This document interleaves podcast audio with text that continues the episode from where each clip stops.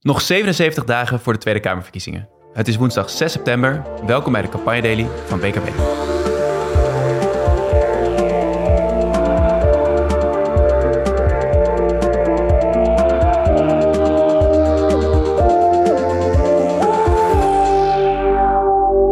Ja, de derde aflevering van de Campagne Daily. Mijn naam is Pelle Koppen. Ik werk als campagnestratege bij BKB en ik ben een van de hosts van deze podcast. Gisteren was ik dat uh, door de zenuwen in die eerste aflevering voor mij een beetje vergeten te zeggen, maar uh, nu weten jullie ook wie hier aan deze kant uh, achter de microfoon zit. Um, zoals jullie weten, inmiddels hoop ik, nemen we elke dag in 20 minuutjes op een luchtige, doch geïnformeerde wijze de campagnes en de, het laatste politieke nieuws door. En nou ja, dat doe ik niet alleen. Dat doe ik vandaag ook weer met twee gasten. Allereerst met Bianca Pander. Bianca, je bent partner bij BKB, Friesin in hart en nieren.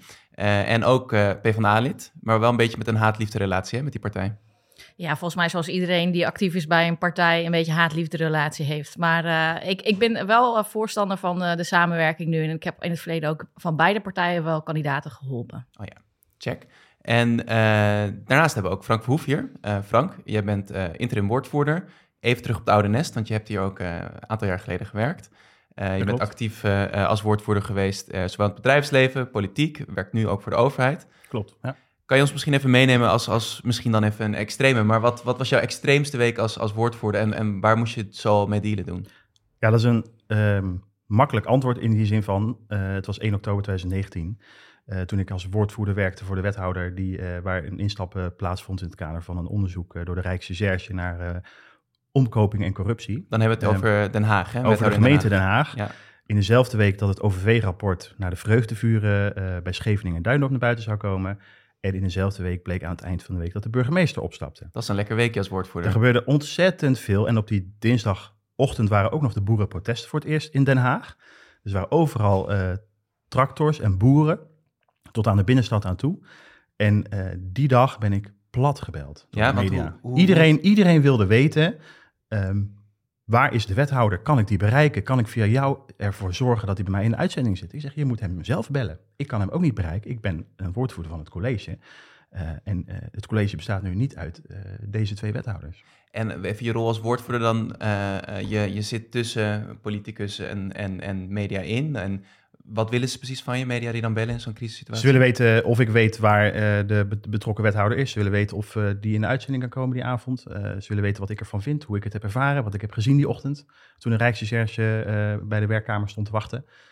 Hè, waarmee ik ook een gesprek heb gevoerd. Um, al dat soort dingen. Dus aan het eind van de dag, ik had een afspraak met een vriend van mij. Ik zou bij de Five Guys een hamburgertje gaan eten. En ik dacht, ik ga niet via de hoofdingang, want daar staan alle camera's staan daar gewoon te wachten. Dat was een totaal informatievacuum.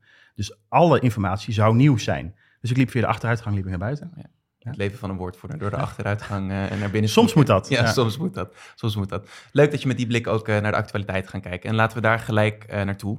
gisteren kwam de eerste peilingwijzer uit. de peilingwijzer is een gewogen gemiddelde van de verschillende peilingbureaus. Dan hebben we het over INO Research, Ipsos, één Vandaag en Kantar samen. En daar volgt een soort van combinatiepeiling uit. En daar ja, uh, daar zagen we interessante dingen in. Um, namelijk dat er zich een driestijd uh, lijkt af te uh, tekenen. het nieuw sociaal contract van Pieter Omzicht staat op 29, uiteraard met foutmarges. De VVD op 24, ook met foutmarges. En hetzelfde geldt voor GroenLinks Partij van de Arbeid, ook 24 zetels. Um, ja, en ik was een beetje benieuwd. Het is, het is nog zo lang, die verkiezingen. wij moeten ook nog een aantal afleveringen maken. maar veel kiezers zijn ook nog niet bezig met de verkiezingen, hoorden we gisteren van Marjolein Kampscheur, die hier te gast was. Wat betekenen van deze, ja, dit soort vroege peilingen nou voor, voor de dynamiek die erna gaat ontstaan in de campagne? Nou, het heeft vooral invloed op de media en hoe de media hiermee omgaat. Dus je zag de eerste koppen al, hè, dat uh, de PvdA GroenLinks in een vrije val is beland met uh, Frans uh, Timmermans. Uh, je ziet dat nu uh, de, de partij van Pieter Omtzigt enorm op een soort uh, platform komt staan als de toekomstige grootste partij. Maar dat is ook omdat we eigenlijk nog niks weten van die partij. Hè? We, we weten natuurlijk dat het Pieter Omtzigt zijn partij is. We weten wat hij in het verleden heeft gedaan. Maar welk programma die komt, wie, welke mensen op de lijst. En ik denk ook, ja, je ziet ook bij, bij de BBB dat mm -hmm. nu we weten wie er misschien premierskandidaat is of niet, uh, zie je ook dat de peilingen anders zijn. Dus mensen kleuren nu zelf alles in voor die partij van Pieter Omtzigt.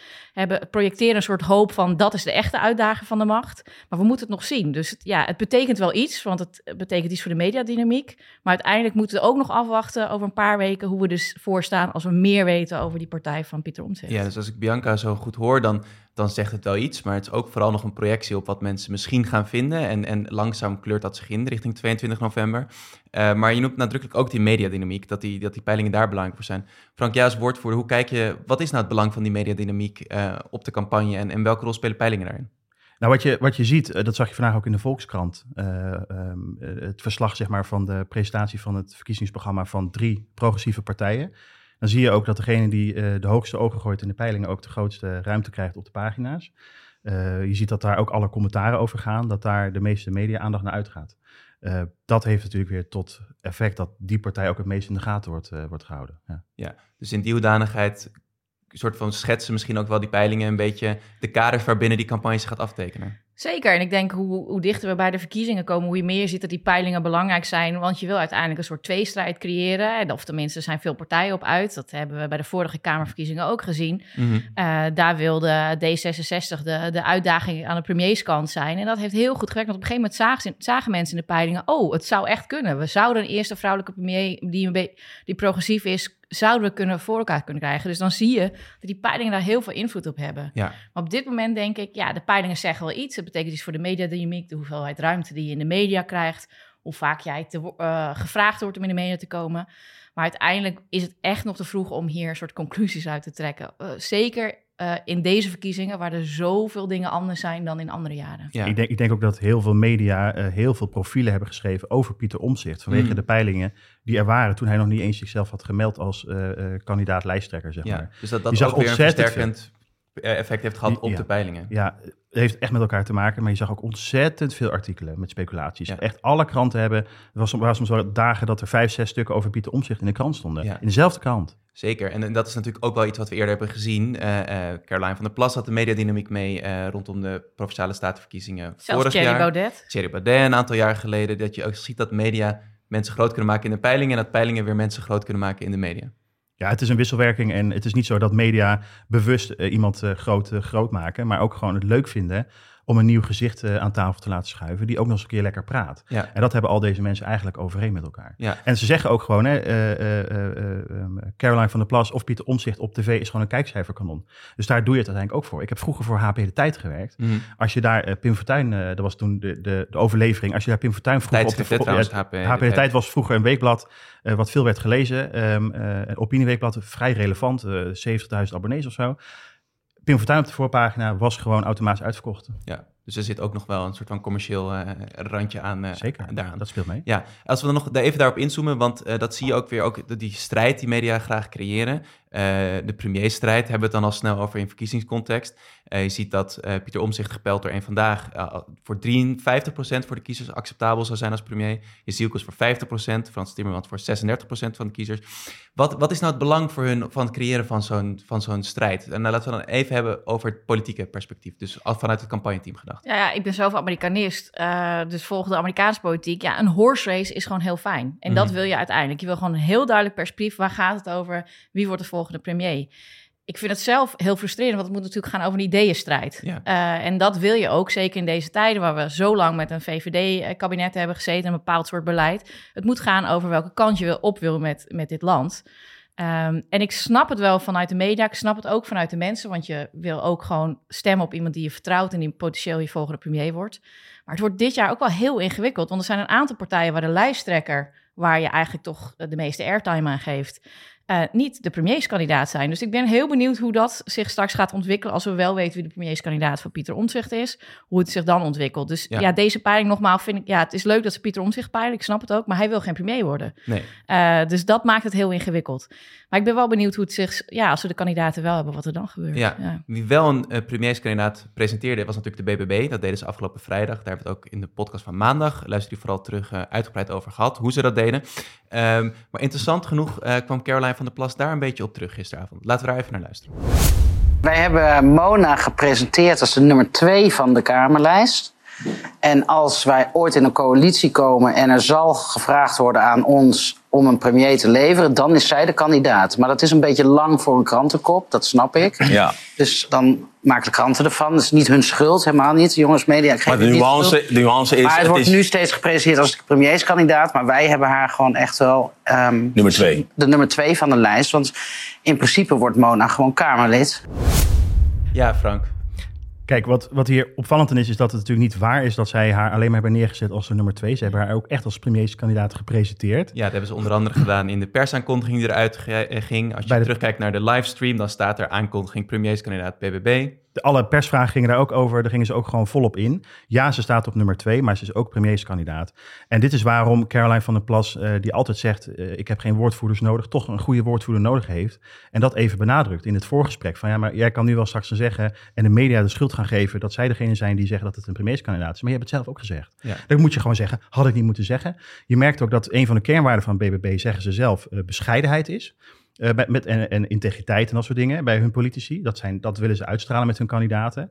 Dus vond ik het opvallend en eh, interessant dat Mona Keizer, die ik een berichtje stuurde van, nou, je gaat waarschijnlijk hoog oog gooien op 22 november. Dat deed ik deze week. Ja, heeft Zij ze gereageerd? Ja, ze heeft erop gereageerd. Ze zei, we, zei, ze zei, we zullen zien. En ik denk, ja, dat is wel die bescheidenheid die zij willen uitstralen. En die zij eh, nog wel een beetje onder de knie moeten krijgen. Want je merkt wel dat, dat het een beetje naar hun hoofd is gestegen met die premierskandidaat. Want het, ging, het ging er wekenlang over in de krant. Hè? We gaan, dan gaan we de premierskandidaat presenteren. Dan gaan we de premierskandidaat presenteren. En dan gaan we de premierskandidaat presenteren. Ja, Maar dat is natuurlijk de, ja. de charme van Caroline, dat ze echt heel makkelijk praat. En dat, maar je ziet ook dat het nu een beetje tegen haar begint te werken. Niet alleen nu, maar in, op, e- in eerdere instanties ook. Ze draait af en toe. Mhm. Nou kennen we natuurlijk dat wereldberoemde eh, eh, stuk uit een eh, gesprek tussen Wouter Bos en, en Jan-Peter Balkenende. 2006 heb dan In ook, hè, 2006, Radio waar 1 ik zei, u draait. Ja, dat gaat op een gegeven moment ook gebeuren bij Caroline. Want ze, ze, ze weet gewoon soms niet meer wat ze gezegd heeft. Of ze is te spontaan. Dus ik ben het eigenlijk wel eens met Frank. Ze moet gewoon goede woordvoerders om me heen verzamelen. Die zeggen, hey, weet je nog, in het vorige interview heb je dit gezegd. Dus, want op een gegeven moment gaat het tegen je gebruikt worden. Ja. En eh, ja, dat, gaan we, dat gaan we denk ik bij haar wel zien En binnenkort. ze, ze hoeft daar helemaal niet media getraind te worden. Maar mag, ze mag ook echt wel zichzelf blijven. Maar ze moet wel weten dat als ze zomaar als een flap uit dingen gaat roepen...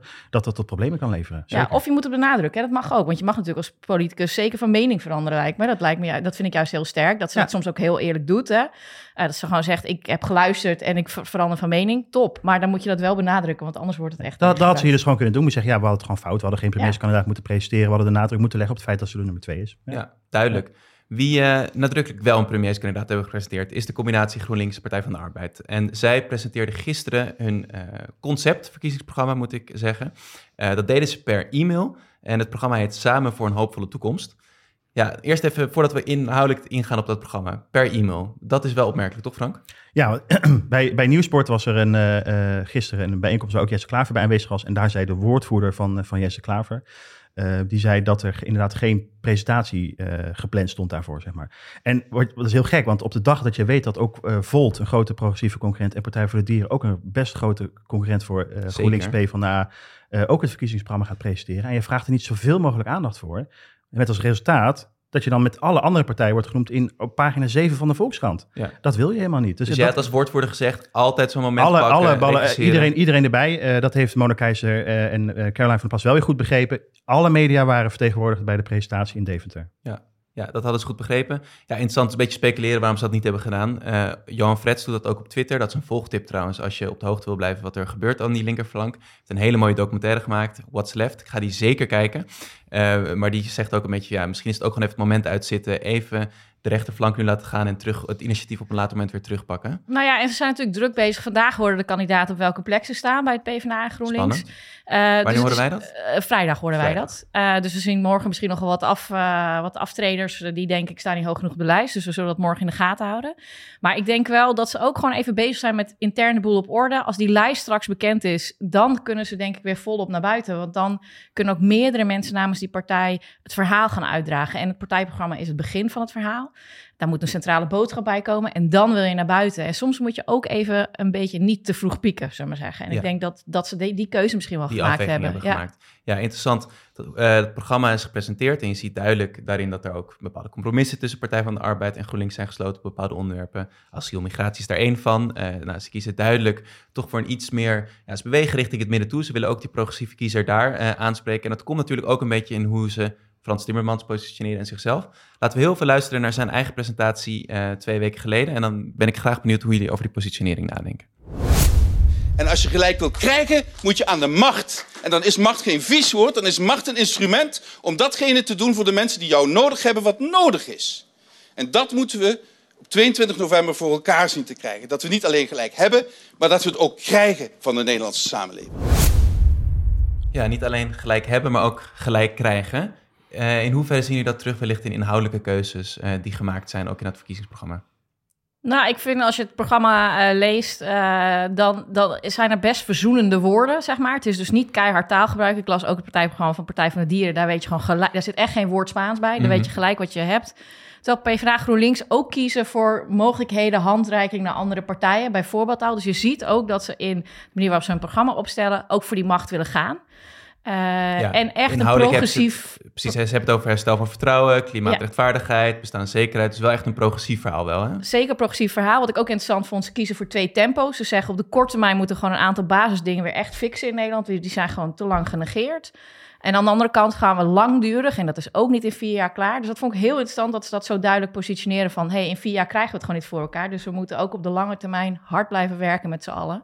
Dat vond ik wel interessant, want heel vaak in verkiezingsprogramma's wordt gewoon alles gepresenteerd als we gaan het morgen doen. Mm -hmm. En hier heel nadrukkelijk, nee, het zijn twee tempo's. Korte termijn fixen, lange termijn echt verandering. Ja. Frank, hoe kijk jij naar hoe Frans Timmermans zich positioneert en, en ook ten opzichte van het programma wat ze gisteren hebben gepresenteerd? Ja, kijk, in het programma zijn natuurlijk door de media drie dingen uitgelicht. Dat is het klimaatticket uh, voor uh, 59 euro per maand uh, door, met het OV door het hele land reizen naar het Duits voorbeeld. Andere is 16, uur, 16 euro per uur minimumloon. Ja. Um, en de derde is een miljonairsbelasting. Um, dat zijn dingen die opvallen en die ook wel niet alleen klimaatprogressief zijn, maar ook wel sociaal-democratisch progressief zijn. Dus dat is een mooie combinatie. Zeker. Wat je dan wel ziet, is dat partij GroenLinks PvdA niet durft te kiezen voor een miljonairsbelasting voor iedereen met een vermogen boven 1 miljoen euro. Nee, degene met een eigen huis van een miljoen euro, die zijn daarvan uitgesloten. Um, dan telt dat vermogen niet mee. En waarom doen ze dat? Omdat ze ook weten dat ze de kiezers in het midden van, van het politieke centrum ook moeten bereiken. Ja. En dat is waar Frans Timmermans nu tussen zit. Van wil ik nou de, de klimaatpaus van Nederland worden, zeg maar. Um, uh, of wil ik... Uh, en dan... Kijk, het probleem is dat je uh, op, op links heb je gewoon Partij voor de Dieren... die gewoon veel radicalere keuzes maakt. Ja. Volt, die eigenlijk ook veel radicalere keuzes maakt. Nou, daar moet je dus tussen laveren. En dat wordt heel ingewikkeld. Want ja. Maar kan Timmermans dat, denk ik? Is hij, kan hij die keuzes maken? Kan hij die, dat, dat, dat nee. betrouwbare verhaal vertellen wat, wat die kiezers willen daar? Nou, kijk, ik, kijk, hij is een hele goede prater, hele goede politicus... en hij is ongetwijfeld heel goed bestuurder, dus dat geloof ik allemaal wel... Alleen hij presenteert zich ook als iemand die voor bestaanszekerheid staat. Maar hij is echt niet de enige. En ook niet de eerste. En als je vraagt wie straalt bestaanszekerheid uit, wie straalt gewone mensen uit, dan zijn het toch, denk ik, Pieter Omtzigt, Mona Keizer, Caroline van der Plas. Uh, en dat soort mensen. En Frans Timmermans, gewoon door, door waar hij vandaan komt, door, door de ophef over zijn salaris, door de vraag die hij probeert te ontwijken over zijn vermogen, over wat hij nou verdient, of hij nou miljonair is of niet, doe daar niet zo moeilijk over. Maar omdat hij daar krampachtig mee omgaat, straalt hij niet, ik, ik, hij, hij wil bestaanszekerheid als thema. Mhm. Dat is het thema van deze verkiezing. Daar ging het in een podcast ook eerder over. De vraag is of hij dat belichaamt. Ja. Ja, je ziet wel, gisteren is hij, uh, is, is, is hij geïnterviewd door de NOS, volgens mij was het over het partijprogramma. En dan zie je hem wel heel erg proberen uit te leggen van... Want er wordt natuurlijk een valse tegenstelling gecreëerd. Je moet of groen zijn of sociaal. En dat, daar heeft hij, vind ik wel, een goed antwoord voor gevonden. Alleen daar moet nu een boodschap bij komen die ze ook uit kunnen dragen als partij. En dat is volgens mij nog niet echt helemaal uitgekristalliseerd. Daar Nee. zie je ze nog een beetje stoeien met hoe kunnen we dit verhaal nu uitleggen dat we zowel groen als, als sociaal zijn? Uh, want ja, de media ziet het echt als je moet keuzes maken. Ja. En, en dat, daar worden ze door de andere linkse partijen ook door gewon- gedwongen. Hè? Die wel hardere keuzes, Zeker, duidelijker zeker. Want daar ligt natuurlijk ook die crux. Het, het blijft een fusie, dus het blijft ook laveren tussen, tussen twee flanken binnen één fusiepartij. En interessant, laten we dat even tot slot aanstippen, is inderdaad het alternatief dan wat er ligt voor de progressieve kiezer op links. Jullie haalden het even kort aan. Gisteren werd ook het partijprogramma voor de Partij voor de Dieren en eh, voor, door Volt eh, gepresenteerd. Ja, vol met, even tussen haakjes, radicale plannen. Eh, dus in het partijprogramma van de Partij voor de Dieren staat dat ze in 2030 al klimaatneutraal willen zijn. Een onwijs ruimhartig vluchtelingbeleid. Lage tarieven inkomensbelasting eh, verlagen en juist het toptarief verhogen. Nou, Volt stelt daar ook een aantal dingen tegenover. Een heel erg radicaal Europees beleid natuurlijk. Hervorming van het belastingstelsel, stapjes richting een basisinkomen en een verbod op korte afstandsvluchten. Nou ja, dat zijn natuurlijk allemaal, het is een beetje cherrypicking, maar dat, dat klinkt de progressieve kiezer natuurlijk als, als muziek in de oren. Maar het is ook tegelijkertijd kluitjesvoetbal, hè, waar, waar natuurlijk de hoop was, is dat er een soort verenigde linkspartij zou, zou ontstaan, waar eigenlijk alle partijen zich bij zouden aansluiten, of zoveel mogelijk partijen. Mhm. En dan zie je eigenlijk dat ze elkaar proberen af te eh, troeven met wie het meest progressief is op klimaat of op belastingen. En ik denk dat dat niet goed is voor eh, eh, de machtsvraag die Frans Timmermans ook stelt. Van, ja, wij moeten aan de macht komen, want dan krijgen we dingen voor elkaar. Als je zo uit elkaar wordt gespeeld met Partij voor de Dieren met negen zetels eh, en Volt dat gewoon stabiel op drie zetels staat, dan is dat wel een probleem. Ja, want kan dat een probleem? Kan het ook echt een kwetsbaarheid zijn in de strategie waar GroenLinks en Partij voor Arbeid zich mee geconfronteerd kunnen zijn? Zij kiezen nu nadrukkelijk voor, we willen regeren, we willen aan de macht, we zijn bereid daartoe inhoudelijke concessies te doen. Uiteraard wel met een progressief verhaal, maar toch, je zou kunnen ja, dat, dat is wel kwetsbaar voor de, voor, de, voor de rest van de campagne. Ja, tegelijkertijd als je een deel van, van die programma's uh, naast elkaar zou leggen, dan zit er ook heel veel overlap in. Het enige is dat de taal die Partij van de Dieren is natuurlijk ook een partij van activisten. Uh, die kiezen gewoon voor een radicalere taal. Een hele heldere keuze. En het is ook een verhaal wat ze al 10, 15 jaar afsteken. Dus het is ook, ze zijn daar ook heel betrouwbaar in, zullen we zeggen. Uh, dus ergens gaat in de verkiezingsstrijd misschien een probleem opleveren. Aan de andere kant ze hebben hetzelfde doel voor ogen. Ja. En dat is wel, de, uh, hè, alle drie de partijen, als ik die partijprogramma's een beetje doorlees, willen een andere soort economie, een andere manier van omgaan met groei. Uh, brede welvaart, ook zo'n modeterm, die mij als Friesin heel, heel veel goed doet. Maar um, die, die, zie je ook overal terugkomen. Dus dat het niet meer gaat over moeten groeien als economie, we moeten groeien als land. En, dat, dat, en, en binnen de grenzen die de natuur stelt. En Ja. Dus er zit ook heel veel overlap in waar ik denk, nou, dan kunnen ze elkaar ook vinden. Enig is dat ze zich niet uit moeten laten spelen en tegelijkertijd zichzelf wel positioneren als een alternatief. Dus ja, dit is, het is heel complex voor die linkse partijen eh, om hier tot zeg maar meer progressieve Nederland te komen. Dus dat wordt een uitdaging voor ze. Ja. Gaat het lukken, Frank? Nou, als je kijkt naar hoeveel eh, partijen er met CDA-gedachtegoed rondlopen en hoe groot ze nu allemaal zijn, er zijn er alweer vijf, hè, als je ook Ja 21 meerekent en die 50-plus-partij. Eh nou, nieuw sociaal contract, eh, je hebt het CDA zelf natuurlijk en je hebt de Boer-Burgerbeweging. Ik denk dat, dat, dat het CDA groter wordt dan ooit. En dus dat dat betekent dat, dat, dat, dat een progressieve partij mag aansluiten bij die, bij, die, bij, die, bij die richting. Maar ik denk niet dat er een linkse meerderheid komt eh 22 november. Klinkt bijna alsof we hier een eh, CDA-woordvoerder aan tafel hebben. Eh, dank Frank dat je vandaag bereid was om aan te sluiten. Ook jij bedankt Bianca. Ehm, heel leuk om al jullie reacties van alle luisteraars tot nu toe te horen. Blijf het vooral doen. Feedback, vragen, opmerkingen, stuur ze onze kant op. Dat kan via Instagram. Volg daar de campagne Daily. Ehm, en ik hoop natuurlijk dat zoveel mogelijk van jullie blijven luisteren, liken, delen en eh, volg deze eh, podcast vooral. Dan eh, zijn we morgen om vier uur weer bij je terug. Tot morgen.